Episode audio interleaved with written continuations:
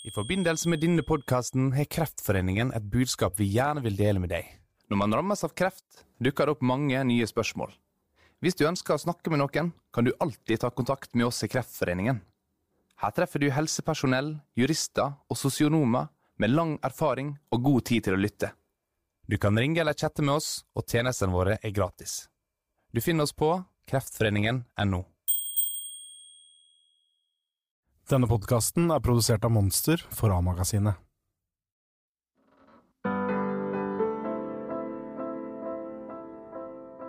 I november fikk Christine Koht vite at hun hadde en sjelden og uhelbredelig kreft i halsen som måtte behandles med immunterapi. Christine selv føler at svulsten hennes er blitt mindre, og stemmer dette, vil hun kunne leve betydelig lenger enn frykta. Svarene får hun snart. Jeg heter Joakim Førsund, og dette er fjerde del av Kot vil leve.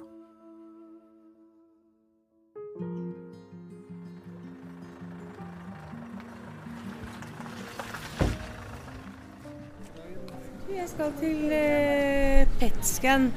Da, da skal du opp i radiologisk avdeling i annen etasje her. Da skal vi det, ja. Ja, Ja. For de driver med sånt. Diabetiker, er du det? Nei. Epilepsi? Nei. Stoffskifteproblemer? Ja. Hold armen helt rett. Det blir et stikk, da.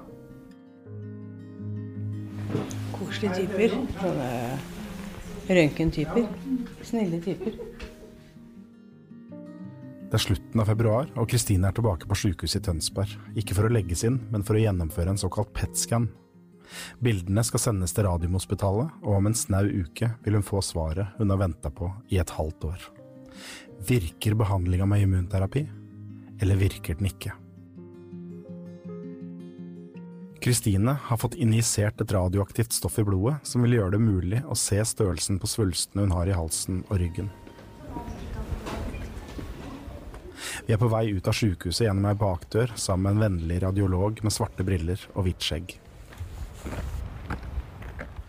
Under ei eik på en liten parkeringsplass står en hvit trailer som visstnok kjører fra sjukehus til sjukehus i hele Sør-Norge. Dere deler på den? Ja. For den er ganske dyr. Ja, den er dyr.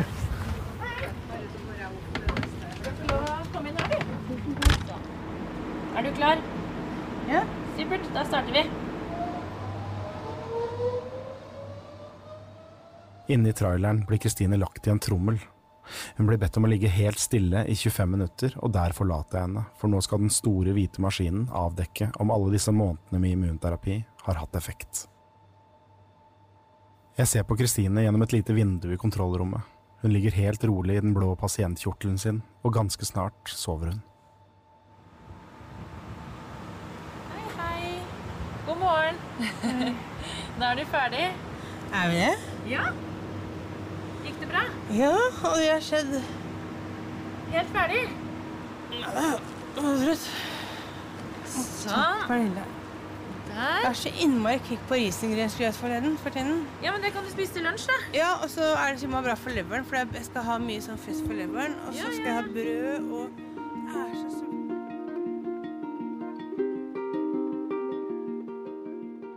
Stemninga er lett når vi forlater sykehuset i Tønsberg.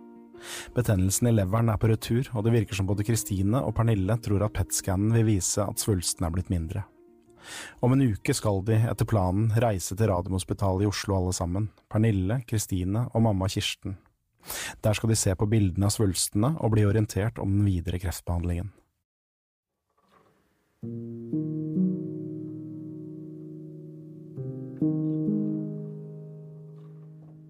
Men så, seint en kveld, ringer Kristine. Hallo? Nå hører du meg? Ja. Du, altså jeg har jo vært så innmari dårlig de siste dagene, ikke sant? Mhm. Så at jeg blir akuttinnlagt igjen klokka Nå? fire i dag. Ja. Nei. Fordi at nå er leverprøvene så høye igjen. Nei, nei, nei. Jo, nå er de så høye. Jeg har sett dem på sånne hestedoser, og de vet ikke om leveren tåler det. Kristines leverbetennelse, som hun trodde var under kontroll, har blussa opp igjen. Hun er innlagt på sykehuset i Tønsberg, og det virker alvorlig.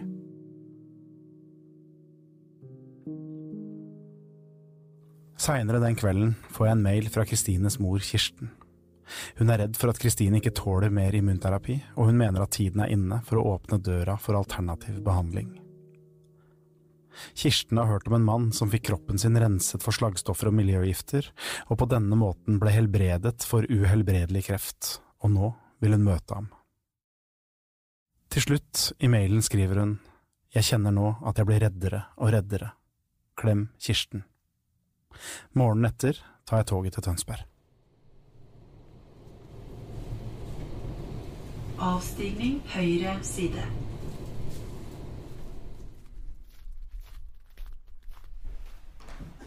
Du, jeg må bare fortelle noe. Hva da? At uh, mamma mener at nå er vi i en situasjon hvor vi nå er kommet til et punkt vi må tenke alternativt. Men jeg er ikke der. Jeg trenger ikke å bestille sopp fra Polen, eller altså, jeg er ikke alternativt. Så har hun også funnet en, hun har en venn som er alternativ. Han heter Terje. Hun skal besøke Terje et eller annet sted i Norge, for han har nemlig hatt svulster, men har klart å ordne det i sjøl. Og derfor må jeg nå bare Jeg må bare Og jeg, du vet, hjernen min går nå så rundt. Den går rundt og rundt og rundt. Så at jeg må bare få Terje ut av hodet altså, For jeg vil jeg vil ikke ha noe med han Terje å gjøre. Nei, det syns jeg du skal få slippe. Eller jeg blir hva, hva er det? Jeg blir litt sånn urolig av det. For at jeg, jeg Hvis jeg begynner å sånn Kan det hjelpe? Kan det hjelpe? Kan det Han har helbredet seg selv? Det, skjønner du hva jeg mener? Hvis du hadde kommet hit hver gang og foreslått en eller annen ost og en eller annen sopp og en eller annen sånt Ja, men jeg, jeg blitt Jeg blir veldig stressa av det. Blir du stressa fordi da tenker du at moren din kanskje ikke tror noe på den tradisjonelle behandlingen? Jeg tror hun tror på den, men hun tenker Her kan vi Ikke sant? Sånn som når vi får beskjed da, i morgen om det virkelig virker, så kanskje det virker fortere, eller Jeg tenker at det oseanet av sånn uh, alternativ ting uh, så åpner for den uh, den mengden av altså det hele det marerittet, tenker jeg, av nye sånne ting som kan bare komme på herfra og så lenge du lever. Eh, det syns jeg er innmari risikabelt. Og så tror jeg det blir jævlig slitsomt. Og så har du en venn som er igjen dette her, og han mener at han tar alle sykdommer, da. Men hvis du tar én spiseskje linolje, tre spiseskjeer cottage cheese Men du må kjøre, altså du må ikke bare blande det, altså. Du må kjøre det Så vil svulstene bli borte. Altså det, vi er jo liksom allerede langt ute i eh, mm, Sant? I havreåkeren. Vi er det, altså.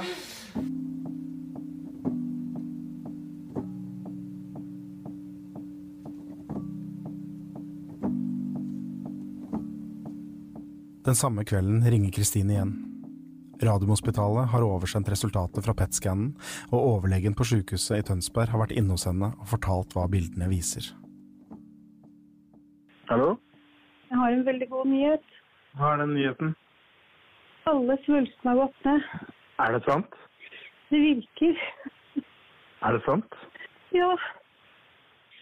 Det er denne beskjeden Kristine har venta på i et halvt år nå, men hun hadde ikke tenkt at den skulle komme på denne måten. Hun hadde ikke tenkt at hun skulle ligge der i en blå kjortel med en annen livstruende sykdom og motta beskjeden om at kreften var på defensiven.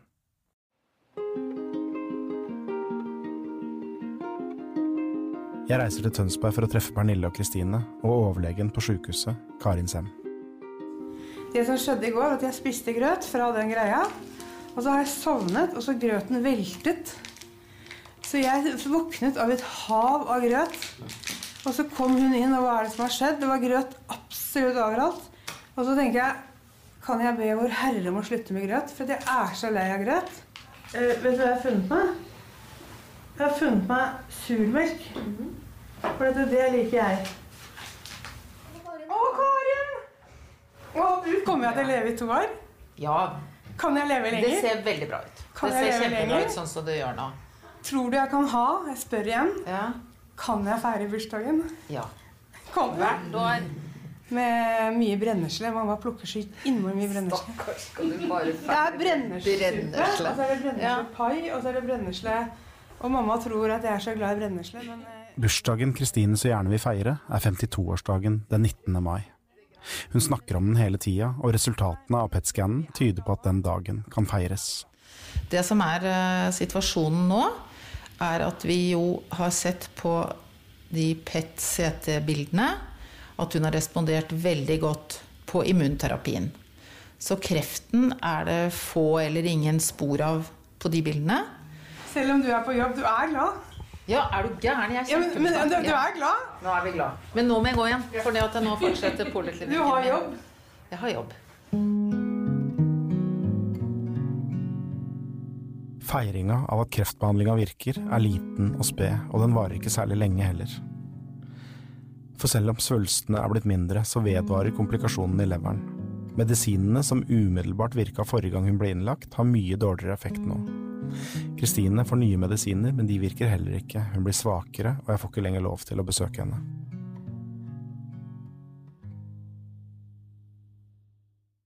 Men jeg holder kontakten med Pernille, og jeg avtaler å møte henne i Tønsberg en fredag i midten av mars. Vi går sammen gjennom byen på vei til sykehuset, for overlege Karin Sem har sagt at hun vil snakke med Pernille om Kristines leverbetennelse. Har dere liksom samtaler om livet og døden akkurat nå, eller? Eh, ikke jeg og Kristine.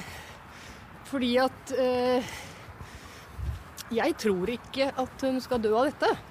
Eh, og, men jeg, er, jeg skjønner, og jeg er enig med hennes opplevelse av at dette jeg, jeg skjønner at dette er en alvorlig sykdom og en alvorlig tilstand. Eh, og det, ikke vet jeg hvordan det kan gå hvis du aldri får bukt med en leverbetennelse, men akkurat nå vil jeg ikke vite det heller. Nei. For det er ikke sånn at du stikker hodet i sanda nå? Du? Eh, nei, jeg vet ikke. Altså, det, jeg, jeg gjør det ikke aktivt. Men jeg er kanskje litt sånn jeg, jeg er jo Jeg er kanskje litt naiv når det gjelder hvor bra alt går. Eh, og det har jo noen ganger i dette forløpet faktisk vært ikke noe bra. Eh, så det kan hende.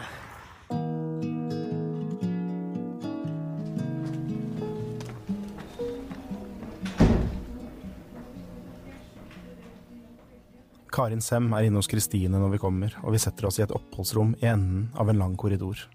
Det er linoleum på gulvene, og veggene er store og hvite, men de har prøvd å gjøre det koselig her inne. På den ene veggen henger et lite og litt skeivt hjerte av keramikkperler, og i vinduskarmen sitter Ole Brumm og Nasse Nøff og en liten brun apekatt. Pernille setter seg i en grå sofa. Overlege Karin Sem, som Kristine også har fritatt fra taushetsplikt, trekker en stol bort til bordet vi sitter ved. Hun retter på brillene og ser rolig på Pernille, som sitter rastløs på kanten av sofaen og gnir hendene mot hverandre. Eh, Jeg tenkte det var greit at du og jeg snakket sammen i enerom, for det har blitt så lite Jeg vet jo ikke helt hva du vet, og hva du tenker. Det meste har jeg jo fått med meg. Eh, men det er klart, da har jeg jo heller ikke eh, spurt sånn Å, hvor alvorlig er dette? Hva tenker Altså, hva skjer nå? Hvor lang tid kommer det til å ta? Sånne ting. Eh, som jeg har tenkt eh, Jeg har jo veldig tillit til dere, så jeg har tenkt at dere holder på og ordner. Eh, og det ser veldig både kompetent og effektivt og fint ut på alle måter. Ja, du sa noe om hvor alvorlig dette er. eh, Og vi, det er jo grunn til bekymring over den leveren hennes. Og den må vi passe godt på. For det er farlig. Hvis det står over tid, så er det farlig for leveren. En sånn leverbetennelse kan være veldig vrien. Hvis vi ikke får det til å snu, så vet vi jo at det kan være en dødelig bivirkning. Og da Jeg syns det er litt greit at alle rundt vet det. Men du, jeg har lyst til å spørre om en ting som uh, har, de, har du og Kristine Snakker dere noen gang om hvis du dør? Um, nei, det har vi vel egentlig Har vi det? Um,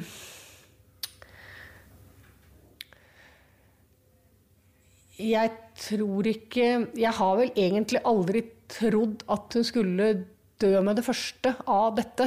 Eh, jeg har, jeg har tenkt at eh, skulle det bli denne kreften den dør av, så ligger det ganske, et godt stykke fram i tid, har jeg, har jeg på en måte hele tiden trodd. Um, så det er Vi har ikke snakket Vi har snakket Vi har ikke satt oss ned og tatt den 'hva skjer da'-samtalen, egentlig. Nei. For det går jo både på følelsesmessige ting, det går på praktiske ting.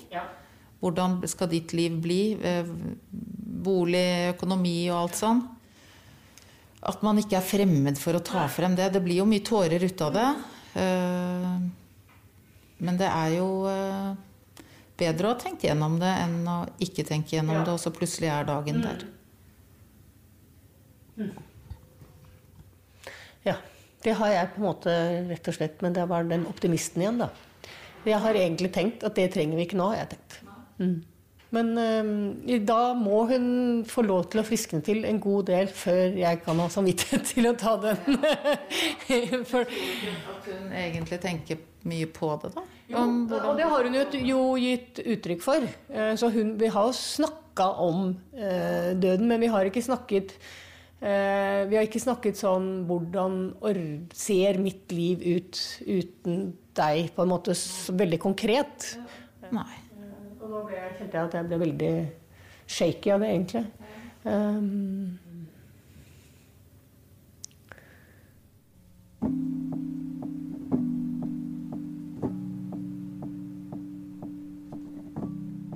Yes, nei, men skal vi si at det var det? Det kan vi gjøre. Ja.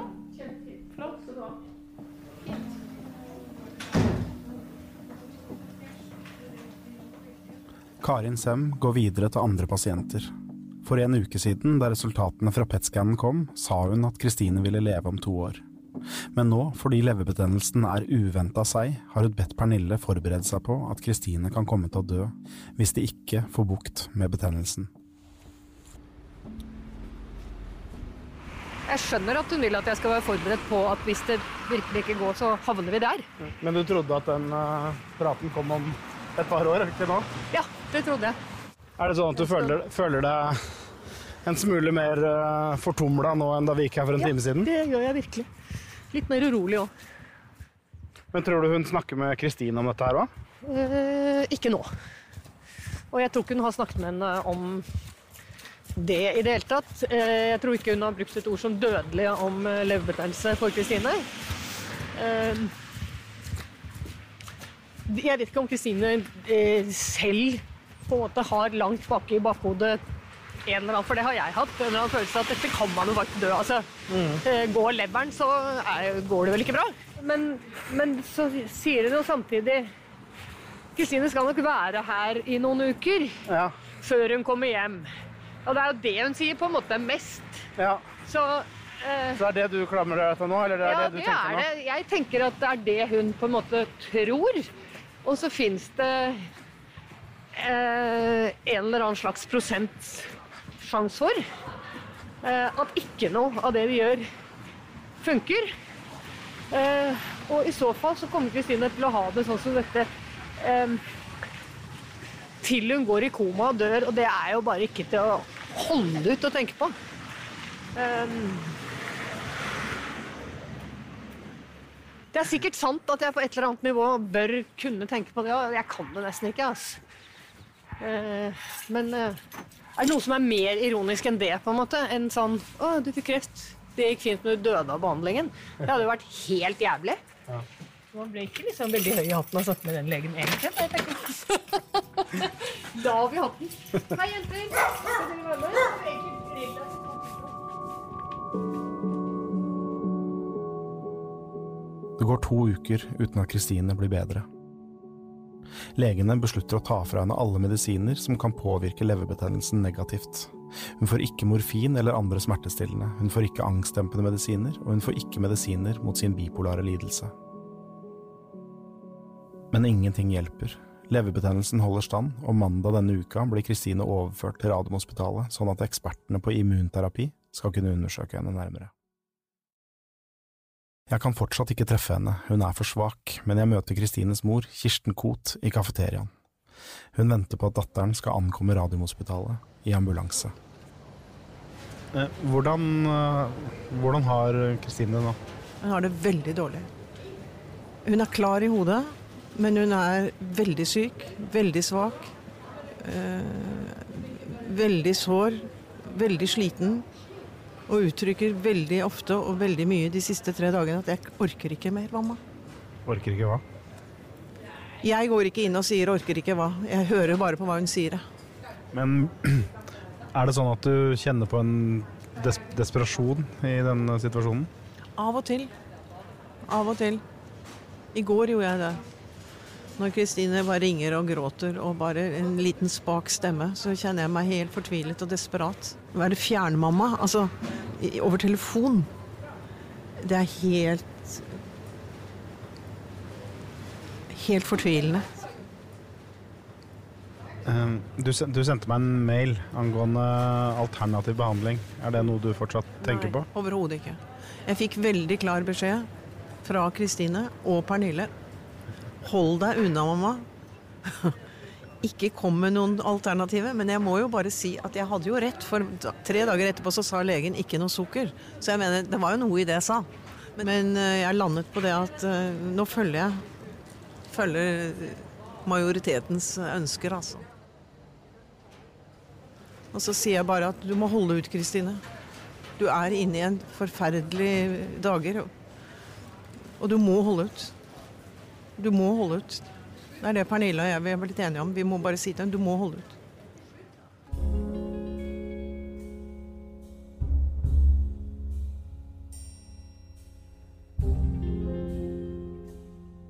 Du har hørt fjerde del av podkasten Kot vil leve. Denne podkasten er laget av Sigurd Øygarden Fleten og meg, Joakim Førsund. All musikk er ved Sufjan Stevens. Serien er produsert av Monster for A-magasinet. Redaktør er Lillian Vambheim.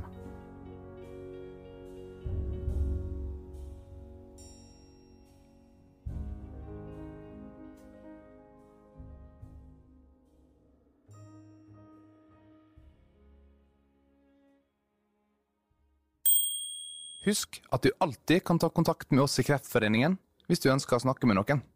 Her treffer du helsepersonell, jurister og sosionomer med lang erfaring og god tid til å lytte.